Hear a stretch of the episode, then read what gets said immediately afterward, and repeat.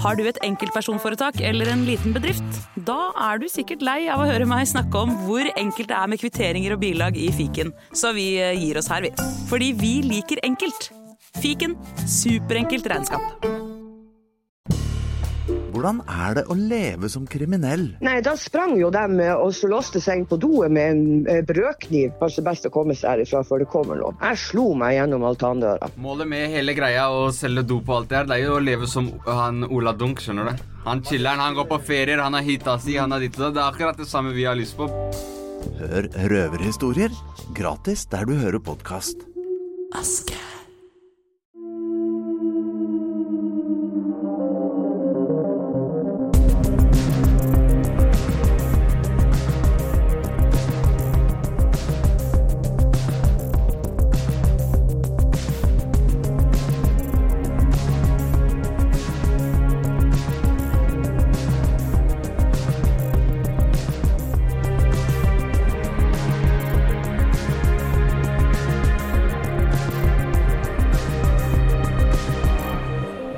Bankboksbrekket gjorde David Toska til en betydelig skikkelse innenfor ransmiljøet. Du må ta det en gang til, Lars. Jeg skal ta det en gang til. Ta det en gang til. Starta litt tidlig. Ok. Den som prater nå, blir gølva av Jonny Brenna etterpå. All right. Bankboksbrekket gjorde David Toska til en betydelig skikkelse innenfor ransmiljøet. Første helga i oktober 2001, fra lørdag kveld til mandag morgen, boret Toska og et ukjent antall eh, personer seg inn i hvelvet hos Sparebanken Nord på Bryn i Oslo. Og de tømte mer enn 700 bankbokser. Der eh, I løpet av denne helga så hadde innbruddstyvene god tid til å forsyne seg alt de kunne få med seg. Blant annet måtte tyvene ut av banken for å skjøte på det boret som de brukte for å bore seg gjennom taket i bankhvelvet fordi det var for kort. I tillegg så kom det vekter innom banken som trodde at det var oppussing på gang, og innbruddstyvene fikk holde på. De over 700 bankboksene hadde masse verdigjenstander og kontanter og gudene veit hva som var inni der. De tilhørte privatpersoner, inkludert kjente kriminelle som Tosca skulle få litt problemer med i etterkant. Utbyttet av dette innbruddet her ble anslått til mellom 20 og 30 millioner, og det har aldri kommet for en dag hvor mange som deltok i bankboksbrekket ledet av eh, mesterhjernen David Toska. Jonny? Altså, ærlig talt. Du hadde denne vekteren. Du hadde kontakt med han fra nesten et år, for dette skjedde i oktober 2001. Dere visste alt som skulle skje. Men vi, før vi kommer til det, kan du bare fortelle om den perioden og den kontakten du hadde med han vekteren? Kan ikke vi bare hoppe over den her, der og Ja, nei, altså, jeg må bare si at når jeg, kjører på den rundkjøringa på Bryn der og ser den banken der nå, så får jeg sånn der eh, nedovermunn. God følelse. Ja. Så mange år etterpå, faktisk. Det er slik at uh, etter Medisinaldepotet så kommer det veldig fort opp et nytt uh, opplegg. Og det dreier seg om uh, at det skal gå et eller annet på Manglerud eller på Bryn. Og det han Toska planlegger etter hvert, det er å ta den banken der på Bryn. Og vi vet at de skal sette i gang alarmsystemet med å manipulere det ved en vannlekkasje. Som setter alarmen på, slik at Securitas kommer og kjører rundt og ser at det er ikke tegn til brudd. De skal knuse et vindu, komme seg inn vinduet, inn i banken. Der skal de sette på et dummy-vindu på utsiden. Og så skal det være kontraspanere rundt oppe i lia der som skal følge med, slik at når politiet eller andre kommer, så, eller f.eks. Securitas, så blir de varsla. Og vi visste jo veldig godt at dette skulle skje. Så vi planla Men vi visste ikke om det var denne eller neste helg. Det var to helger som var aktuelle tidlig i uh, september, eller slutten av september, tidlig oktober i, i 2001. Så, så, det, er, det vi gjør, er at vi har møter, masse møter in, internt, også med sikkerhetssjefen i den banken der. Og, og han sørger da for at uh, det skal være en varslingsrutine. Når, når alarmen går, så skal da han varsles, som er sikkerhetssjef, som igjen skal ringe meg og en annen. Vi er to stykker som sitter med mobiltelefon døgnet rundt. Og vi tenkte da vi skal gjøre litt av det samme som vi gjorde på Medisinaldepotet. Vi skal eh, ja, vi har, vi har god tid, og vi skal bruke våre beste menn og kvinner. Hundepatrulje og beredskapstroppen. Og så skulle vi da Vi satte på en, en kamera med link til Kripos, som var bare sånn noen hundre meter i, eh, i luftlinje. Der skal vi da inn på et kontor og kunne se på en skjerm at da kan vi se hva som skjer. Du kan jo nesten sitte med kikkert i vinduet på Kripos og se inn på Bryn. Så tett er det faktisk. Det er faktisk ganske tett på, ja. Så, og samtidig så sa vi til eh, politiet rundt omkring ikke kjør i denne rundkjøringen, for vi skal ta dem på fersken. Så du trakk all politi vekk fra banken. Det har aldri vært mindre politi i den rundkjøringa foran den banken noensinne enn den ene helgen der. Sånn var det. Så jeg satt og venta og venta og hadde mobilen på, og fikk ingen telefon den helgen der. Nei, hva var det som skjedde? Nei, det for det første fikk jeg en telefon på mandagsmorgenen og hvor det ble sagt at de har greid det. Så tenkte jeg hva?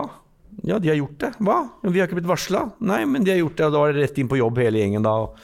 Hva i all verden er det som har skjedd? Det var en dårlig stemning. Det var såkalt veldig blåmandag, for å si det mildt. Det var en trist uh, høstferie med, med, masse regn. Og, så måtte, og dette her visste jo politiet om. Banken har til og med fjernet penger, sine egne penger for å beskytte de. Men bankboksene lå var jo fritt, da. Banken fjerna sine egne penger. Så de forsto jo, de forsto jo at uh, dette kom til å skje. Men De forsto at de ikke kunne stole på politiet, mener du? Men du, forvent, du forventa at det skulle skje helga etterpå? Ja, det var enten den eller neste helg da, som var, eh, var tidspunktet. Så i og med at vi ikke visste helt, så, så hadde vi da den løsningen om at alarmen skulle gå, vi skulle bli varslet, og vi hadde en link som vi skulle betjene. Det var ikke noen som eh, satt oppi lia der fra politiet fordi at, og, og så på dette her. Fordi at det ble tatt opp, men det var et budsjettspørsmål. Det var dårlig økonomi. Det ble nei til det, da. Jo, for, for planen her var jo at det var Securitas som skulle varsle. Ja. Når det, alarmen gikk, så skulle de ringe dere. ja. Men denne vekteren på sentralen han skjønte jo ikke at Jernbanegata var på Bryn. Han trodde det var på Jernbanetorget. Nettopp. Ja, så dere fikk jo aldri noen Men eh, sånn i etterpåklokskapens lys, hva tenker du om den planen? Jeg tenker at eh, Det vi lærte der, var at vi må ha full kontroll på, på hele operasjonen selv. Vi kan ikke ha noen eksterne aktører som skal hjelpe oss med noe som helst. For da, da går det som det går nå. Da var det to vektere som misforsto hvor dette var hen. Og vi fikk ikke da varsling, og Tosca fikk lov til å holde på med det han gjorde i to-tre døgn, og fikk da navnet Mesterhjernen. Du er ikke enig i det? Han skulle hett Flaksekongen. Ja, han, han hadde flaks, men la oss se på hva som faktisk skjedde inne i bankboksen der i løpet av denne helga. De brøt seg inn lørdag kveld. Tok seg inn gjennom et skur, og, og det så ikke, uh, fra utsiden så kunne du ikke se at de hadde brutt seg inn. Og så brukte de altså lørdag natt, hele søndag og natt til mandag på å bore seg gjennom dette gulvet. Ja, og det morsomme er jo at det boret, Helge, det var jo ikke langt nok. Nei, for de hadde med seg et 50 cm langt bor. Eh, Det var 50 cm i, i lengden og 40 i bredden. Men det var ikke langt nok, for det, eh, gulvet som de skulle gjennom, var 60 cm, så det mangla 10 cm. Du ser jo på midten der at Der, eh, du ser at det er en skøyt der. Og i løpet av den helga så klarte de gutta her å da få dette boret som de hadde kjøpt i Malmö, og få sveisa på en ekstra del i løpet av noen timer, og tilbake og fortsatte å bore og komme seg gjennom og fikk laga dette hullet. Og det ekstra morsomme er jo at søndag kveld så kommer det to vektere inn i banken. Ekstra morsom. De ser dette hullet. De ser dette hullet, og de tenker Jøss, driver de og pusser opp her? Og varsler ingenting. Nei, jeg blir bare for Hver gang jeg hører de, de, de, de Jeg blir bare satt ut. Det er helt utrolig at det går an. Her ser vi da hvor tjukt eh, gulvet var. Det er den betongblokka som eh, de bora ut. Men vi har jo sett alt ransutstyret. Vi fikk jo lov å se på det, og det er jo bare Tosca som ble tatt for dette, pluss han fikseren som kjøpte boret. Men det var jo åtte slegger og åtte brekkjern, og det var åpenbart mange med på dette. Og så vet vi også at dette hullet det kom jo ned på toppen av bankboksene. De hadde bomma litt, så det var jo ikke mer enn sånn 50 cm kanskje eh, å flytte seg på det, var, inn. det var veldig trangt å komme gjennom det Du ser toppen av eh, den eh, David Toska, Vi har sett bilder av David Toska på denne tida her, og han har ikke vært nede. Han har ikke klart å åle seg gjennom Nei. Det kan man bare Men- glemme, altså. Men det er en som sitter her og er veldig, veldig stille nå. Er dette noe som høres kjent ut, eller? Nei. Nei. jo, jeg har lest om det. Nei, du, dette har du heller ikke vært med på. Men det, det som er kanskje litt Som var Det var jo sårt for deg, Jonny, at du ikke klarte å ta dem på fersken. Men det som kanskje var ekstra sårt, det var jo at du, eh, du hadde jo denne vekteren som en informant. Og når det gjelder informanter, så er det jo litt sånn hellig å beskytte dem, er det ikke det? Jo, det er klart at eh, det å avdekke en informant, da, da sliter du i forhold til eh, sikkerhet. Og ikke minst, hva skal man gjøre med vedkommende i etterkant? Og så er, det- er det jo tross alt mennesker vi har med å gjøre, så det er klart at det er ikke, det er ikke, det er ikke uproblematisk. Ja, For det var jo akkurat det som skjedde. Fordi at de klarte å gjennomføre det, så måtte du faktisk Eller var ikke du, men eh, politiet måtte jo faktisk bruke vekteren som vitne. Han ble vitne, og jeg måtte skrive rapport om alt sammen, da. Det er ikke gøy. Nei. Så da blir det noen rettsoppmøter der, kan du si. Ja, hva, hva hadde det å si for din, eh, din posisjon som spaner og kildefører at, at, at, at din kilde måtte liksom stille opp i retten og forklare seg om hva som hadde skjedd der? Og Det som var kanskje litt spesielt da, det akkurat i denne momentet her, det var at når den saken først kom opp, så var jo det faktisk en god stund etterpå pga. på grunn av at uh, Tosca var på rømmen. Eh, og når jeg var vitne i retten der, så var Aftenposten der og Dagsavisen. Og så, og så lurte de på om, om de kunne ta bilde av meg, da. Og så jeg, så tenkte jeg at eh, ja, det er kanskje like greit, for at jeg vet at det kommer en mye større sak som jeg må vitne i litt seinere. Og det er greit at, eh, at jeg får litt mer sikkerhet ved at eh, ja, offentligheten også blir kjent med, med meg. Da, for jeg var bare kjent blant slaskereiere, for å si det sånn. Og, og der da så, så tok de bilde, og så kalte da um, Tosca meg for superspaneren i den artikkelen, og da fikk jeg jo det navnet der, da. Så jeg må takke han for videre karriere, for å si det sånn. De der bildene vi ser av dette hullet som bores ned i, i dette gulvet, det, det er jo helt sånn absurd. Det er Donald Duck, og det får meg til å tenke på noe fra norsk filmhistorie. Jeg vet ikke. har nemlig en plan.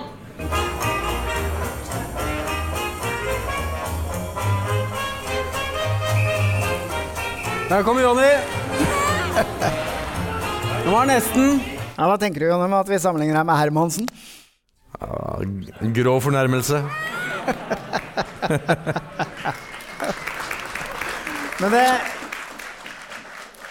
Det som er eh, fascinerende, at det gikk jo fra Donald Duck og Olsenbanden type til hit til tohåndsvåpen, til uniformering, til biler i brann. Eh, altså, det eskalerte jo voldsomt. Og da Hva gjør politiet da? Jo, politiet i Oslo bestemmer seg for ikke å ha så veldig mye fokus på dette ransmiljøet lenger. Hvorfor det? Nei, det, er, det er litt problematisk, for eh, skal du jobbe mot det miljøet der, så bruker du alle ressurser på det, og du får veldig lite igjen. da. Eh, Jeg har jo eksempel på saker hvor jeg har kjørt, hvor vi hadde full kontroll på et ranslag som skulle ta en bank. Og vi visste akkurat hvor det skulle hen. Vi visste at eh, de har drevet med observasjon og hva planen var. Og vi lå bak, og så er det slik at når vi da nærmer seg banken, så sier juristen at vi skal stoppe de før de kommer fram pga. tremannshensyn, altså sikkerhet til tre, treperson. da. Og det du får da, det er at du får besittelse av våpen, eller eh, de, skal, de sier at de skal på et torpedooppdrag. ikke sant? Og da får du kanskje noen eh, måneder med våpenbesittelse eller noe sånt. Du får kanskje ikke planlegging av ran engang. Eh, og du har brukt eh, halve budsjettet på de. Sånn at da, da ble det litt mer fokus på, på narkotika. da men det som dukka opp i den tida, var noe som het Catch. Operasjon Catch, som da var en sånn eh, prosjekt som dukka opp på Kripos. Hva var catch, Lars? Eh, Catch det ble opprettet eh, etter initiativ fra tidligere justisminister Odd Einar Dørum og var politiets første innsatsgruppe mot organisert kriminalitet. Og hvis dere har lyst til å høre mer om Catch, så kan vi anbefale vår episode med Reidar Brusgaard. Eh, Catch eh, det er altså for å lære mer om denne innsatsgruppen. Eh, vær så god. Ja, så dere, det var egentlig bare dette Catch-prosjektet ved Kripos som nå hadde fokus på ransmiljøet. I Oslo så konsentrerte man seg om narkotika og andre ting. Og Kjell, du fikk jo besøk av Catch. Selv om ikke du har vært med på noen verdens ting, som du sier. Ja, stemmer det. Av en eller annen merkelig grunn så brydde de seg om meg, da. stemmer det. Veldig Ja, hva skjedde? Nei, det var vel i august 2023, altså 2003. Da um, Det var tilfeldigheter, egentlig. Da hadde de hatt en spaningsoperasjon over eh, en gitt tid. eh, Helt tilfeldig. Ja. På gården. Og eh, plutselig så skulle de slå til. da Det tilfeldige var at jeg var ikke hjemme. Jeg var eh, i Drammen en tur og så på vei hjem. Og så Jeg ser jo eh, avslutningen av catch-aksjonen. da Så får jeg vite resten sjøl, at det var beredskapstroppen og hele pakka hadde vært der oppe. da Det var i regi av catch. Og eh, da var det vel ti politibiler eh, hjemme på gården eh, når jeg kjører forbi fra et annet hold. da Så det var tilfeldig at jeg, jeg kom egentlig midt oppi det, men eh, det gikk bra. Kjører ut av området og uh, får snakka med folk og får greie på at dette her hadde pågått i nærområdet på Flisa. Så hadde de uh, kledd seg opp med tohåndsvåpen og hele pakka, liksom. Så det var mitt nær... Det, da fikk jeg en sånn der aha-opplevelse. Da gikk jeg under jorda, og så var jeg under jorda hele den høsten. Da var det veldig mye aktivitet, altså. Da var det bugging av eh, bl.a. en motorsykkel jeg hadde. Det var hele den høsten så var det et tett program, da. Men jeg er sikker på mange i salen her som ønsker å forsvinne en periode. Hvordan går man under jorda? Nei, det er mange måter å gjøre det på. Um, sikkert. Nei, kom igjen, da. Ja, ikke sant. Noe må jeg holde i tilfelle du veit det. Nei da, men det, det var eh, Når du har 200 Jeg vet ikke hvor mange- det var i catch, men det var veldig mange. Det, det ble veldig Det var en håpløs høst. Dette her var jo en gruppe som holdt til oppe på Kripos, så de hadde frie tøyler, mye ressurser. Eh, det var jo ledet rett ut fra Justisdepartementet, nærmest. Så det var veldig mye aktivitet. Eh, Jeg ble lei til slutt, så jeg var veldig glad for nærmere jul at etter masse sånne rare fremstøt fra politiet, da, så klarte jeg å eh, få et tilbud om å eh, flytte til Stavanger. Så jeg flytter til Stavanger i julen eh, Men, men du hadde masse politifolk som var jakta deg oppe på den gården hvor Ja, du bodde. gården Men hvor også. var du? Nei, jeg var høyt og lavt. Jeg var nok det. Og så eh, I perioder så bodde jeg i en semitrailer i, eh, faktisk eh, nede i sentrum. Du På bodde Frogner. i en semitrailer? Mm. Det er det beste. Ok. Bo på midt oppi suppa. Så det er måten å gjøre på det hvis man ønsker å Nei, Jeg sier ikke at det er eh, Forsvinne Jeg har en brent en bro der, men altså okay. Ambassadestrøk i Oslo med en semitrailer, det har fungert, det. Ja. men før vi kommer til eh, at du flytter til Stavanger, så skjer det jo noe høsten eh, 2003 som er relativt dramatisk, Lars. Fordi høsten i oktober, eh, for å være helt presis, 2003, så slår et ranslag til mot Postens brevsenter midt i Oslo sentrum. Målet var en pengetransport med flere titalls millioner som skulle ha kommet fram da ranerne slo til litt før klokka 11 om kvelden. Men eh, forsinkelser eh, gjorde at pengetransporten fortsatt var underveis til brevsenteret da ranet skjedde. En stor eh, Chevrolet braste inn i underetasjen i brevsenteret, og fem maskerte menn tok gisler og tvang dem til å vise vei til fjerde etasje, der hvor verdiposten befant seg.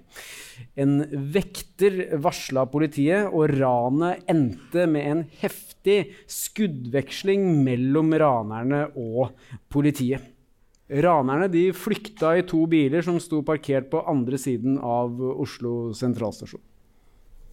Hvor var du da, Kjell? Nei, jeg var i Oslo når det, det, det, det ranet. Det husker jeg jo, at jeg var på vei gjennom Oslo. Hva sa du at du var i Oslo da ranet ranet fant sted? Ikke på vei bort, bort fra Nei, jeg var på vei gjennom byen og jeg hører på politiradioen, og så eh, Ja, for du har selvfølgelig en politiradio. Ja, jeg hadde jo hele catch etter deg, så må du ha det. også. Så eh, Men, men du, du, Det er jeg, første bud. jeg forstått det sånn du hadde et oppdrag. eh, du var faktisk på jobb da Nei, jeg var ikke på jobb, men jeg var på vei gjennom Oslo. Og så eh, når jeg hører at det er så kaos eh, i det området der, så eh, hadde jeg en bil i kikkerten ute i Sandvika, så jeg snudde og så kjørte ut og henta den. Henta en bil. Henta en bil i Sandvika, ja. En eh, svær Riger Ford. Hvilken bil, hva, hva, hvilken bil var det? Nei, den Senere så ble den brukt i Nokas-saken. Ja. Ok, Så samme dag som uh, dette ranet mot Postens brevsenter Ja. foregikk, så var du og stjal bilen som ble brukt i Nokas-ranet. ja. Ja. Det er jo uh, sånn det ble. Men, men kjente du David Hoska på et tidspunkt? Nei. Men jeg hadde veldig mye biler i den perioden. her For det er en del av å holde seg løs. Det er Løs. å løs ifra klørne. Så Vi hvis må jeg- ha minst ja. 20 biler, i hvert fall. Ja, men alle, alle disse bilene, hvor sto de? Hvor var de? Nei, Jeg hadde dem på fellesparkeringa på Gardermoen, en del av dem. Og så hadde jeg et eh, bildepot nede på Frogner, i Oslo. Når du har masse biler oppe på Gardermoen, Mm. hva, innebærer innebærer Ja, Da kjører du bare inn, og så drar du en lapp, og så kjører du fort ut igjen med en annen en. Blir ikke det veldig dyrt da? Når du skal stå Nei, for da du bruker samme returlappen på den andre. Det eneste er et helsike når det snør, for du må opp der og Hvor mange biler ned. hadde du? Jeg tror jeg hadde en 20. Over 20 biler. 20 biler. Eh, Sånn uh, jevnt over, ja. Ok. Så du plukka opp alle disse bilene, plasserte dem på Gardermoen, og eh, Gardermoen du, og Frogner og litt sånn Men du kjente ikke Tosca på det tidspunktet? Nei, ikke før 2000 og jula 2003. Nei. Ok, Før vi kommer til det, Jonny, hva tenker du om dette anslaget mot Postens brevsenter? Det var jo ganske dramatisk. Ja, Det som er dramatisk, er jo det du, at det blir eh, skutt flere skudd retta mot politiet når politiet kommer til stedet. Det var jo en, var jo en bil fra troppen, da, beredskapstroppen. Jeg jobba den kvelden der, så jeg husker veldig godt. Jeg husker vi hadde møte på, på politihuset etterpå. Må vi annet fikk høre historiene fra de to fra Delta som kom, da, og de var ganske shaky, faktisk. Så det, det, det, var, det hadde gått inn på det. Bli, det er jo ikke så rart når det blir skutt på med automatvåpen, sånn som det her. Og, men, men ranet var jo et sånn klassisk ran fra det miljøet. Fra kjent lag, kjente personer. Eh, raske biler, tunge biler.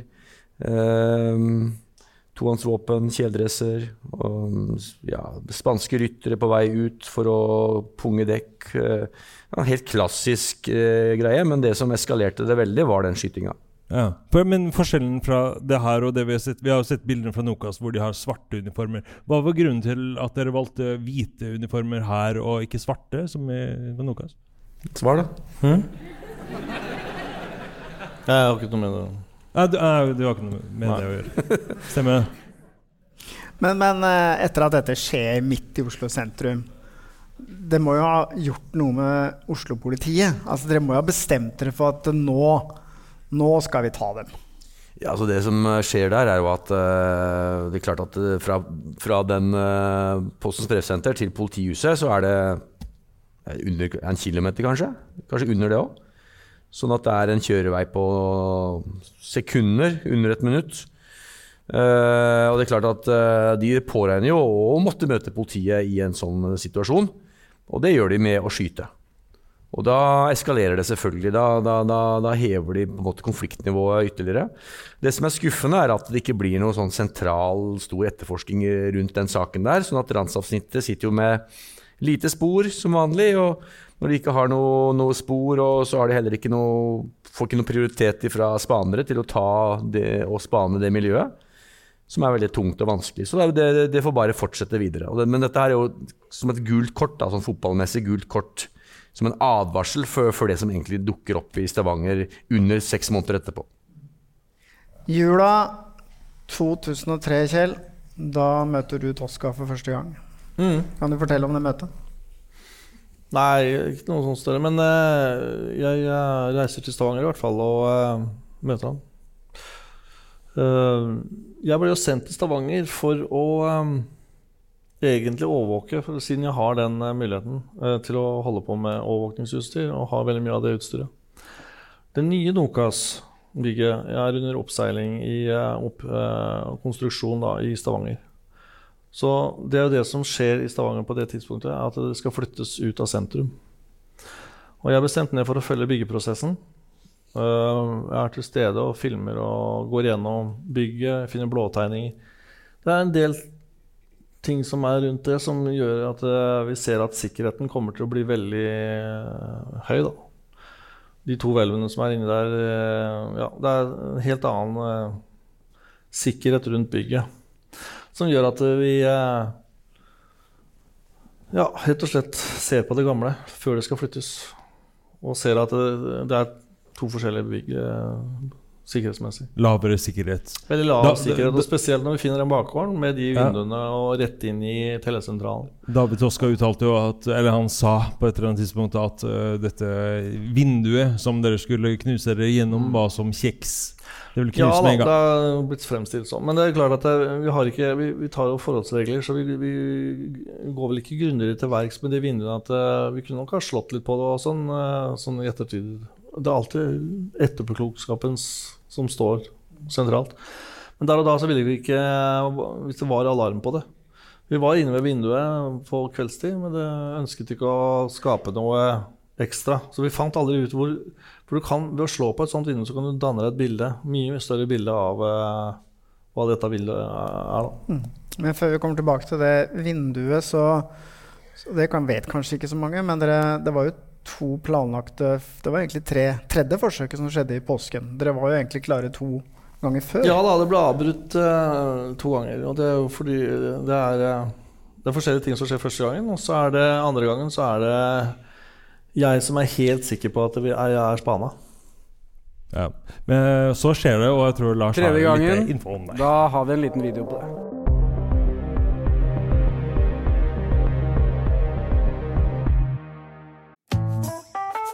Har du et enkeltpersonforetak eller en liten bedrift? Da er du sikkert lei av å høre meg snakke om hvor enkelt det er å sende faktura med fiken. Så vi gir oss her, fordi vi liker enkelt.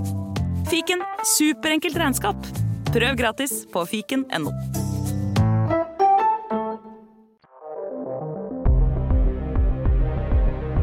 Påsken 2004 så slår 13 ranere til mot Nokas sin tellesentral på Domkirkeplassen i Stavanger. De tar seg inn i lokalet fra bakgården og skyter seg gjennom et vindu, mens de ansatte fortsatt er i lokalet. Ranerne de kommer seg av gårde med 58 millioner kroner. Og dette ranet her det resulterer også i en skuddveksling med politiet, hvor politimann Arne Sive Klungland blir drept. Ranet det utløste norgeshistoriens største politietterforskning.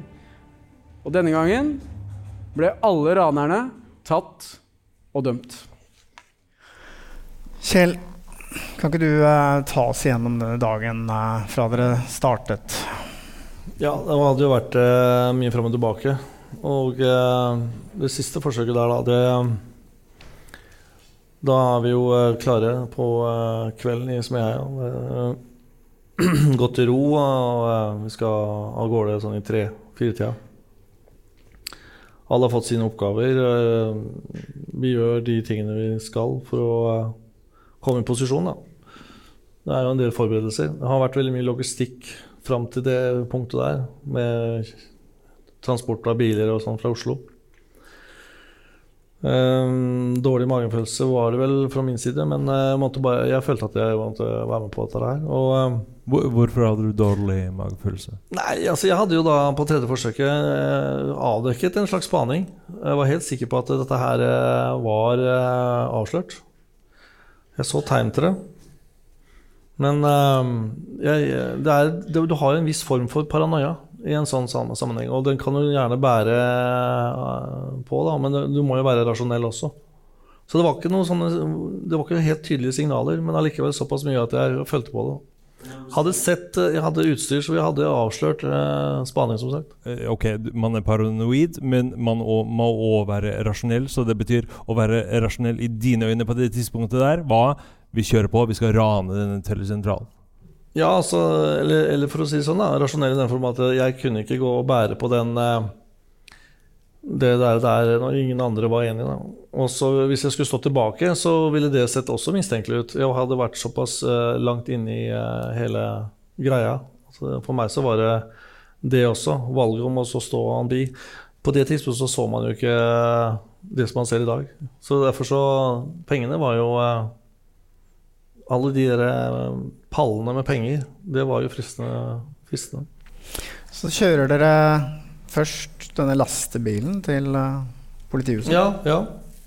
Jeg vil bare si det at eh, Vi hadde jo sett da, som sagt, den der overføringen av alle disse pallene i eh, desember. Så vi visste at det var veldig mye penger i det hvelvet der. Og vi så også den eh, politiets måte å håndtere den saken på. Så vi ville skape den samme samme atmosfæren, den samme øvelsen. Da, som Dere skulle de late som dere var politi? Mm? Ja, dere skulle late som dere var politi? Ja, vi skulle være politiet som gjorde akkurat det samme som de gjorde når de- de overførte penger fra Norges Bank i Oslo til Stavanger. Så det var planen. Og så, eh, når vi hadde kommet så langt som vi gjorde da, eh, så måtte vi også forsinke politiet. Det var en tanke. Men det er midt i påsken. Så vi hadde jo informasjon fra folk som eh, hadde sentral informasjon igjen, som er veldig viktig. Og den eh, tilsa at det ville ikke være noe eh, stor aktivitet på politihuset i påsken. Det var vel det som var intensjonen, og det var jo det som også vi, vi håpa og trodde på. da. Diskuterte jo selvfølgelig med mange frem og tilbake-scenarioer om hva hvis osv. Hvis det var noen som ville være ekstra ivrig. Og den diskusjonen hadde vi også. Men det er jo som sagt, eh, man må jo på et eller annet tidspunkt falle ned og gjennomføre det. Eh, Det ble da den, man- den eh, 5. april ble da valgt, og eh, all logistikk var på plass til den dagen. Og vi eh, hadde som mål å slå til da akkurat klokken åtte. Ett minutt over åtte så viste vi at den tidslåsen på eh, Handelens ville gå opp. Og vi visste også at den der døra i bakgården ville være åpen, for det hadde vi sjekka kvelden før. Og så på tidlig i morgen så ankommer dere, og du i bil, eh, rett utenfor inngangen til, til sentralen. Det er du som kjører den bilen her? Ja, stemmer det. Jeg kjører den Range Roveren, og jeg kjører da eh, de som jeg kjørte, til eh, inngangen. Og så snur jeg bilen og kjører inn bak et busskur. Det står en, en buss der, så eh, han filmer jo hele seansen. da. Vi ser her eh, bilder av en bussjåfør som Han vinker jo til noen andre ranere som står oppe på Domkirkeplassen. Ja. For, altså, men, ja, Det høres helt absurd ut nå, men på det tidspunktet der Det var ingen som så for at det her skulle skje. Så den bussjåføren han har jo fortalt i etterkant at han trodde at dette var en øvelse. Det er helt tydelig, og det var jo den opplevelsen vi hadde også når vi kom dit. At vi, var en, eh, at vi fremsto som politi. Det var også viktig å opptre rolig og, og politimessig. Opp, opptrådde de politimessig, Jonny? Ja, til dels. Det var jo klassisk eh, miljø, måte å jobbe på. Det er som sagt eh, sett i flere andre nå, at de dukker opp som et lag. Ja, vi- vi Med ser- utstyr og alt. Ser ut som politi. Vi ser jo at alt er rolig, men så skjer jo dette med dette vinduet. For din oppgave er jo å stå vakt ute, og så kommer gutta ut og sier til deg at Ja, ranet er jo i gang. Jeg sitter og lytter på politiradioen og observerer. Eh, lytter etter alarmen på eh, alarmen. Når tid er det den varsles ut? Det må ikke noe konkret eh, tidspunkt for akkurat når det skjedde, men eh, For det skjer jo ting uh, ute på plassen her også samtidig. Men uh, den alarmen er jo tydelig at den går jo av. Og mens jeg står der, jeg har stått der i seks minutter, tror jeg, sånn cirka, da uh, kommer David ut til oss og eh, sier at vi er fortsatt ikke inne. Og da har det altså da gått seks minutter i ranet, og vi skulle være ferdig på åtte. Og det er en veldig sånn spesiell følelse, når du da skjønner at du må inn. For vi hadde jo diskutert på forhånd at hva hvis det vinduet ikke går inn? Hadde fått laget en 70 kilos eh, rambukk, eh, og det var eh, flere temaer rundt det. Slegge Nei, ingenting hadde virka. Og jeg hører bare taktfaste dunk når jeg er på vei inn. Og det er veldig sånn Du skal ned tre meter, og du skal klatre inn, og du skal helt inn til vinduet, og du skal da tømme Jeg hadde masse skudd ekstra i tilfelle dette her skulle skje. Så var det en plan om at jeg skulle da gå løs på det vinduet med eh, AG3. For alt det var planlagt? At hvis de ikke Det var planlagt inn, som en ytterste konsekvens, ja. Selv om det var veldig sånn eh, Det kommer ikke til å skje. Å, å, Ja, men det, det skjedde jo. Ja, Ja, Men hva følte du da da du sto der i Nei, da var det den der eh, dialogen som man har hatt eh, over tid. da som plutselig ble en faktum. At det vinduet det ble så gjenstridig at eh, Og det var jo ikke mulig å rikke heller. Men hva, hva følte du da du sto der og smalt av alle de skuddene? Ja, 110 skudd eller noe sånt. da. 110 skudd. automat. Ja. Mm. Nei, det er jo voldsom, eh, voldsom greie. Det er jo det, på kort hold. hva, hva gikk gjennom hodet ditt? Tenkte Nei, du ikke da at politiet utføre. må jo bare i Det må jo snart komme helikoptre rundt her og omringe oss, for dere var jo på overtid? Jo da, men vi, vi visste vel at det var, ikke var bemanning omtrent på, i påsken. da. Det var jo det som var utgangspunktet. Mm.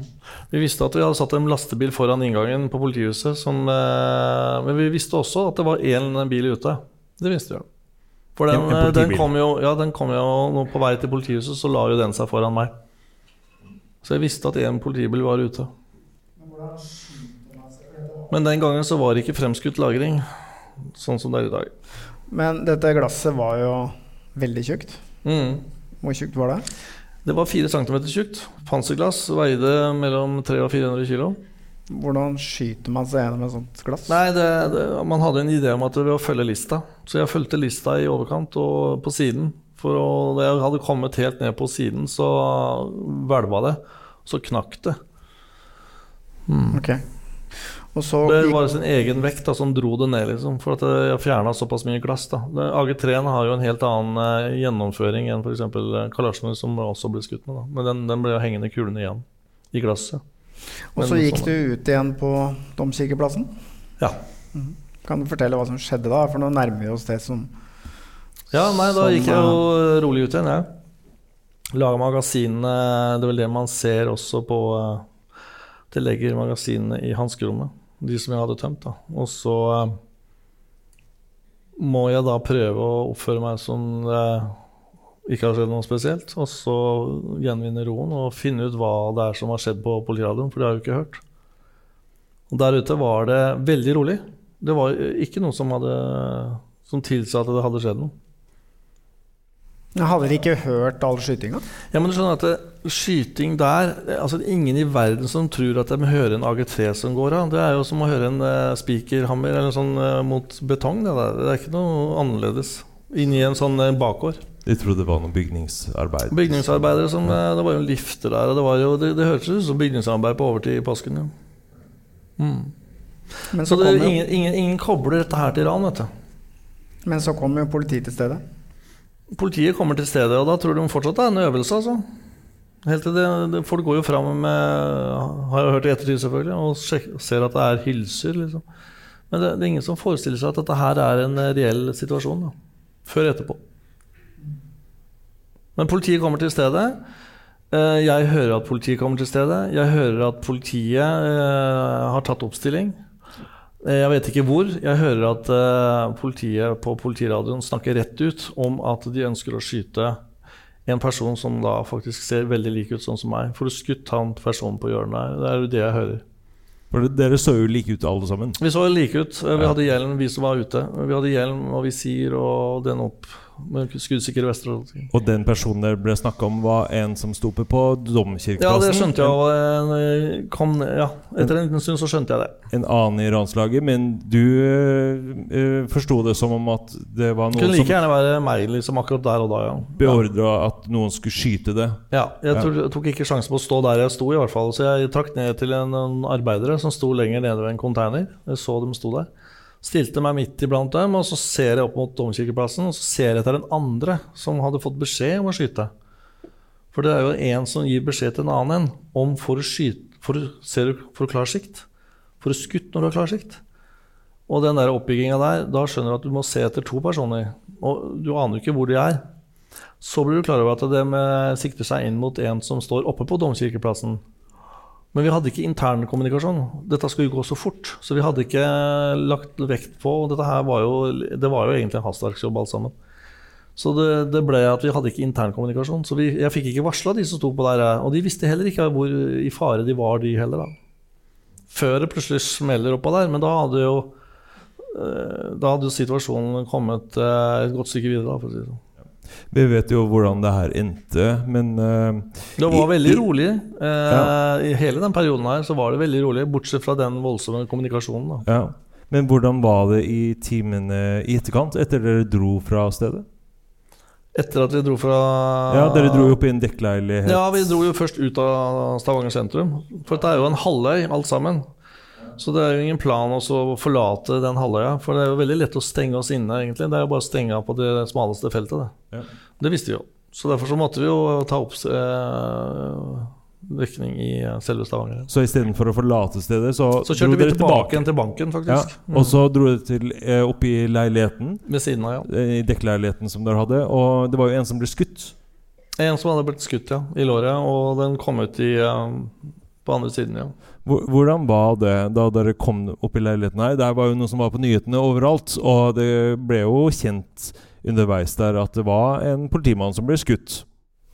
Ja da, det var sterke opplevelser. Her- Da ble også eh, folk Alle ble jo klar over at det ble skutt en politimann på På samme som alle andre fikk beskjeden. Ingen visste jo at dette hadde skjedd før vi så det på TV. Men Forsto du at det var du som hadde Nei, ikke, ikke med det første. Ikke før det liksom hadde materialisert seg i, eh, i kommunikasjonen på media, hvordan dette her hadde skjedd. Da, da begynte jeg å skjønne at oi, det var jo eh, mest sannsynlig jeg som har skutt. Men hva, hva tenkte dere her altså på den leiligheten? En av ranerne er skutt. Han blør jo voldsomt. Dere må jo det, gi førstehjelp. det var flere som var skutt, altså. Men som ikke hadde fått uh, skuddskader. Mm. Men det var en som fikk skuddskader i ansiktet. Og så finner du ut at eh, det er du som har avfyrt dette skuddet, som Mm. har drept Klungland. Mm. Hvordan var stemningen oppe den leiligheten da? Nei, den stemningen forandret seg jo. eh, Det var ikke noe hyggelig stemning. Det var det ikke. Nei, det var ikke. Det var en veldig amper stemning. Det var det jo. For det, det var jo en helt annen utvikling enn det man Vi skjønte jo det at en sånn type Vi så jo konturene av en voldsom sak. Det gjorde vi jo. Mm. Var det panikk? Nei. Nei. Nei, det var det ikke. Men hvor lenge var dere i den leiligheten? Nei, det var en god stund, ja. Mm. Så dere satt i den leiligheten og venta? Nei, man måtte jo uh, Satt vel ikke og venta heller, men det, det var en uh, utslusing, og det var en avslutning, så mm. Men hvor lenge var du i den leiligheten før du dro? Nei, det var noen dager. Ok, Mm. Og så dro du tilbake til Oslo. Ja. Hvordan kom du deg tilbake til Oslo? Nei, den har jeg aldri definert. Du vil ikke snakke om det? Nei. Nei. Jeg hørte rykter om at du var involvert i en eh, motorsykkel. Ja da, det, det det, er noe Ja, det er et eller annet der. Ja, et eller annet. Men eh, Jonny, når du hører dette her om hvordan de gjennomførte dette ranet, og hvordan det gikk, og altså, hvordan var liksom hvordan var reaksjonen i politiet på dette her? At en av deres egne ble skutt og drept? Det var vel da det gikk opp eh, for alle at eh, nå var det alvor. Så stemningen var eh, ekstraordinær, for å si det mildt. Det det var en sånn krigserklæring, da. Så jeg husker veldig godt de dagene der i påsken. Da var ikke jeg mye hjemme. Da var jeg på jobb. Og dro over til Stavanger også. Og jeg husker veldig godt den der eh, kortesjen hvor politifolka gikk, da. eh, Med sånn eh, Sammen med, med justisministeren, husker det veldig godt. Så det var Det var virkelig en, en krigserklæring, og da var det jo helt klart at dette her skulle slås hardt ned på. Da var det på tide, da. Men det skulle vært gjort lenge, lenge før, selvfølgelig.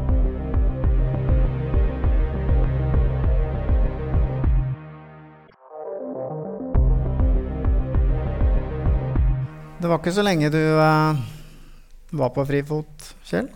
Nei da, jeg eh, ble tatt eh, 11. 11. mai inne i Oslo. Ja. Hvor var du eh, 11. mai eh, i Oslo på det tidspunktet? Nei, Jeg var og tok en sjumann, da. Ja. Fortell om det. Hvordan opplevde du det? Det var en god opplevelse. ja, det var eh, Nei, vi eh, kom på jobb, og så er det kveldsskift, og så får jeg beskjed om, vi beskjed om å dra opp på Majorstua. Nordrocksvei. Står det en bil som eh, er kobla til eh, Kjell. Og det som er historien bak, er at det er en trafikkbetjent som, som fanger opp den bilen der. Og den har, vedkommende har jo fått den tauet inn tidligere. Og så plutselig så står den bilen der. Der, der skulle den jo ikke stå. Og da er vel det slik at du har vel henta den bilen, du, har du ikke det? Jo. Ja, jeg kaller det låne. Men eh, ja, Låne. det var vel en litt sånn Ja, det hentet ut en bil. Ja, henta. Så vi kommer opp, og så lokaliserer vi den bilen, da, og så kjører vi her tre biler. Og så har vi to mann på post som sitter eh, og, og har, da, ser den bilen her. Så utgrupperer vi i forskjellige retninger, og så er vi der, sitter i kanskje maks ti minutter. Og det er jo, vi tenker jo som vanlig at dette tar tid. Vi begynner å dra ned setene og spise donuts, selvfølgelig. Fram med VG-en. Og tenker at eh, nå er det lenge til avløsning, men, men plutselig så hører vi fra posten at det er en mann med caps ved bilen. Så er vi stille. Og så hører vi mannen med caps går inn i bilen, og da sier førstebetjenten som sitter ved siden av meg, eh, vi pågriper. Så da, da, da, da får jeg smellen, da får jeg adrenalin, for å si det sånn. Kjører inn, puster og peser for å få kontroll på adrenalinet. Eh, ser at det blinker i blinklys på den bilen. Og eh, vi er første bil inn i veien, så, vi har våpenet her. Og er klar for å gå ut og er klar for å møte hva som helst. Samtidig så er jeg også klar for at hvis han sitter i bilen, så er det bånn gass og torpedere den før han slipper unna. Så jeg hadde to planer, da. Men så kommer vi til den bilen, og så ser, ser ikke noen person. Og så kommer, kjører vi videre nedover, kommer bil nummer to, og så hører vi på sambandet at, uh, at uh, vedkommende caps går, går oppover veien. Da hadde den gått bak noen biler som ikke vi så, og da begynte bil nummer to å rygge bakover. Bil nummer tre fikk den rett foran, og vi kjørte rundt for å ta en knipetang i tilfelle han stakk. Og da, så når vi kom rundt, da, igjen, da lå han på bakken allerede. Og så bare sånn lite apropos, for jeg var nemlig på en bursdagsfest hos en kompis mann som jobber i hundepatruljen. Og der var det en annen politimann, så sa han til meg litt utpå kvelden så sa han, Veit du hva? Hvis Jonny Brenna sier at han pågrep Schumann, så er det bare løgn. Det var meg, sa han til meg. Å ja. Var det Ja, noen ja. andre? Ja, nei, vi kom til ferdigpakke, vi. Så For det var- Ja, for det var Men de var ikke sikre på at det var meg, faktisk, for jeg hadde jo et pass på meg som tilsa at jeg var en annen person. Du ble pågrepet, du holdt nesten på å bli skutt. Jeg holdt på å bli skutt der, faktisk. bli For at skutt han har aldri vært så nær av å løsne skudd, han som kom imot meg med en 38 der. Ja, og Politiet ønska en fin historie, så de måtte ha en superspaneren Jonny Brenna for å kunne gjøre Ja, jeg det hørte stemmen. Så du plasserte, du plasserte da foten din oppå hodet til Kjell? Jeg kan, Ja. ikke, kan ikke huske det. Hva husker du, Kjell? Han har fortalt det! Ja, men jeg husker jo det. Han ringte jo inn. Det var jo han som tok seg av den eh, rollen der. Og da sto han med beina og dirra oppå hodet mitt. Og dirra, ja, det, ja, det var tidlig på våren, vet du, så det var masse grus oppå Det var ikke noe vibrerende fot. Ja, I hvert fall så, så, så, så identifiserte jeg da at dette var riktig mann. Og så som du sa, ringte jeg inn, og så tok jeg ansvaret for å få han inn. Så vi kjørte han inn i, på Og fulle blålys. Mm. Fulle blålys. Full stripp på cella. Fikk ny, nytt, Ja, ja. nytt tøy. Nei. Gammelt tøy. Ja. Ja. Og så, eh, og så går vi opp, og det er high five og det er stor stemning. Men så er det beskjed om at vi skal ha den til Stavanger. Så det vi gjør da, da får jeg ansvaret for å ta den, eh, den eh, ruta der. Så vi kjører vel tre biler med fulle blålys. Eskortekjøring opp til Gardermoen, rett inn på flyplassen og setter inn på et vanlig fly. Hvor vi er da fire, fire politifolk. Og øh, flyr over til Stavanger. Og øh, der øh, tar vi et pledd over han, sånn at det er et kjent bilde fra den seansen. Og så inn til Stavanger i en sånn grå pansra brødbil der. Og da husker jeg jeg så på Kjell, og så sa jeg at der sitter en slagen mann. Han så en slagen ut. Og øh, det som er historien der, at da gikk vi på byen og drakk og ble fulle. Og så dro vi tilbake igjen til eh, flyplassen dagen etterpå, og så var det førstesida på VG, og så så vi oss med alt tøyet vi hadde på oss, og, og sånn, så vi måtte liksom begynne å kle oss litt om og sånt. Og så, og så fikk vi tilfeldigvis det samme flyet tilbake igjen som det vi dro til Stavanger. Og de hadde hatt krisepsykiatri den natten der, fordi at de hadde skjønt at, eh, hva de hadde hatt i, i flyet. En så stor belastning for flypersonellet. Vi er på overtid, så holdet. Hva skjedde i etterkant av eh, Nokas-ranet? Full etterforskning fra politiet, mange hundre politifolk. August så slår de jammen til igjen mot Munch-museet og rapper to bilder på nytt. Og det er jo spekulert i om Munch igjen. Og det er jo spekulert i om de gjorde det for å trekke ressurser fra Nokas-etterforskningen. Det er nok uh, det som er sagt, at uh, det er Tosca som står bak, og han har gjort det for å prøve å ødelegge etterforskningen i Nokas, ja.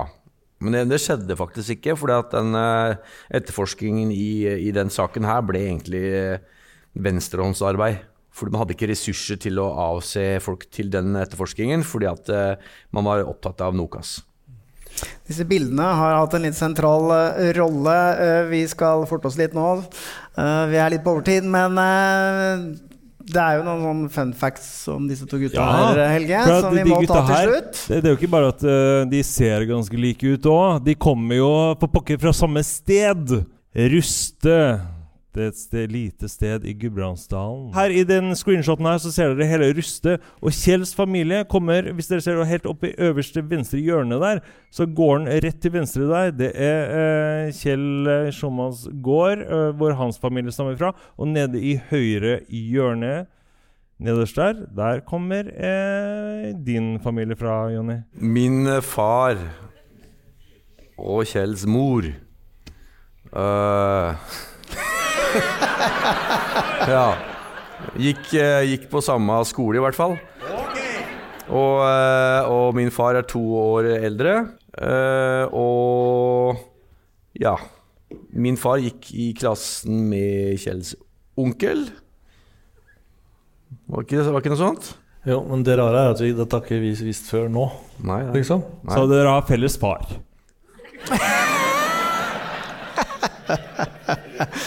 Det skal vi finne ut av. Vi vi skulle ta en sånn DNA-test. Men uh, uansett, vi starta ut i dag med å stille spørsmål om vi kan lære noe av disse tingene. Jonny, kan vi det ved å se tilbake på dette? Det er jo det som kan gjøres. Ved å se på historien så er det jo det å lære litt. Og det er klart at uh, Noe sånt miljø kommer jo aldri tilbake sånn som vi ser det her nå. Det er en helt annen sikkerhetskultur. Det er ikke cash, og det er overvåkning overalt. Det er, og det ikke er det de, de typene heller eh, ute der. Sånn at eh, Et sånt klassisk ransmiljø er nok historie. Men, eh, men det at man kan i hvert fall stoppe ting før det blir for gærent, det tror jeg man har eh, lært noe av. Og ikke la det gå altfor langt. Det, det er helt tydelig. Ok, jeg tror vi må wrap it up. Men uh, uansett, vi kan i hvert fall trygt si at uh, dette startet for alvor med Edvard Munchs 'Skrik' i 1994. Pål Enger brøt seg inn og rappa det, og det slutta egentlig i 2004 med at de på nytt brøyt seg inn på Munch-museet og rappa noen Munch-malerier. Så man kan jo si at dette Munch var jo på mange måter med å slutte denne sirkelen, da. Men Stein Morten, mener du at hadde det ikke vært for denne mannen, Her ble det vist et bilde av maleren Edvard Munch på lerretet. Ha-ha-ha. så hadde ingenting av det her skjedd? Det er helt korrekt. Takk for i kveld. Takk for at dere kom. Vel hjem.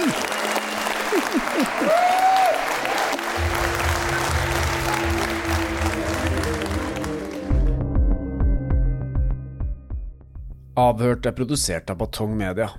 Redaksjonen vår består av Stein Morten Lier, Helge Molvær og Lars Christian Nygårdstrand. Temamusikken vår er laget av Altered States, og du finner oss på Facebook og Instagram. Vil du høre eksklusive episoder av Avhørt, gå inn på podme.no, eller last ned Podme-appen.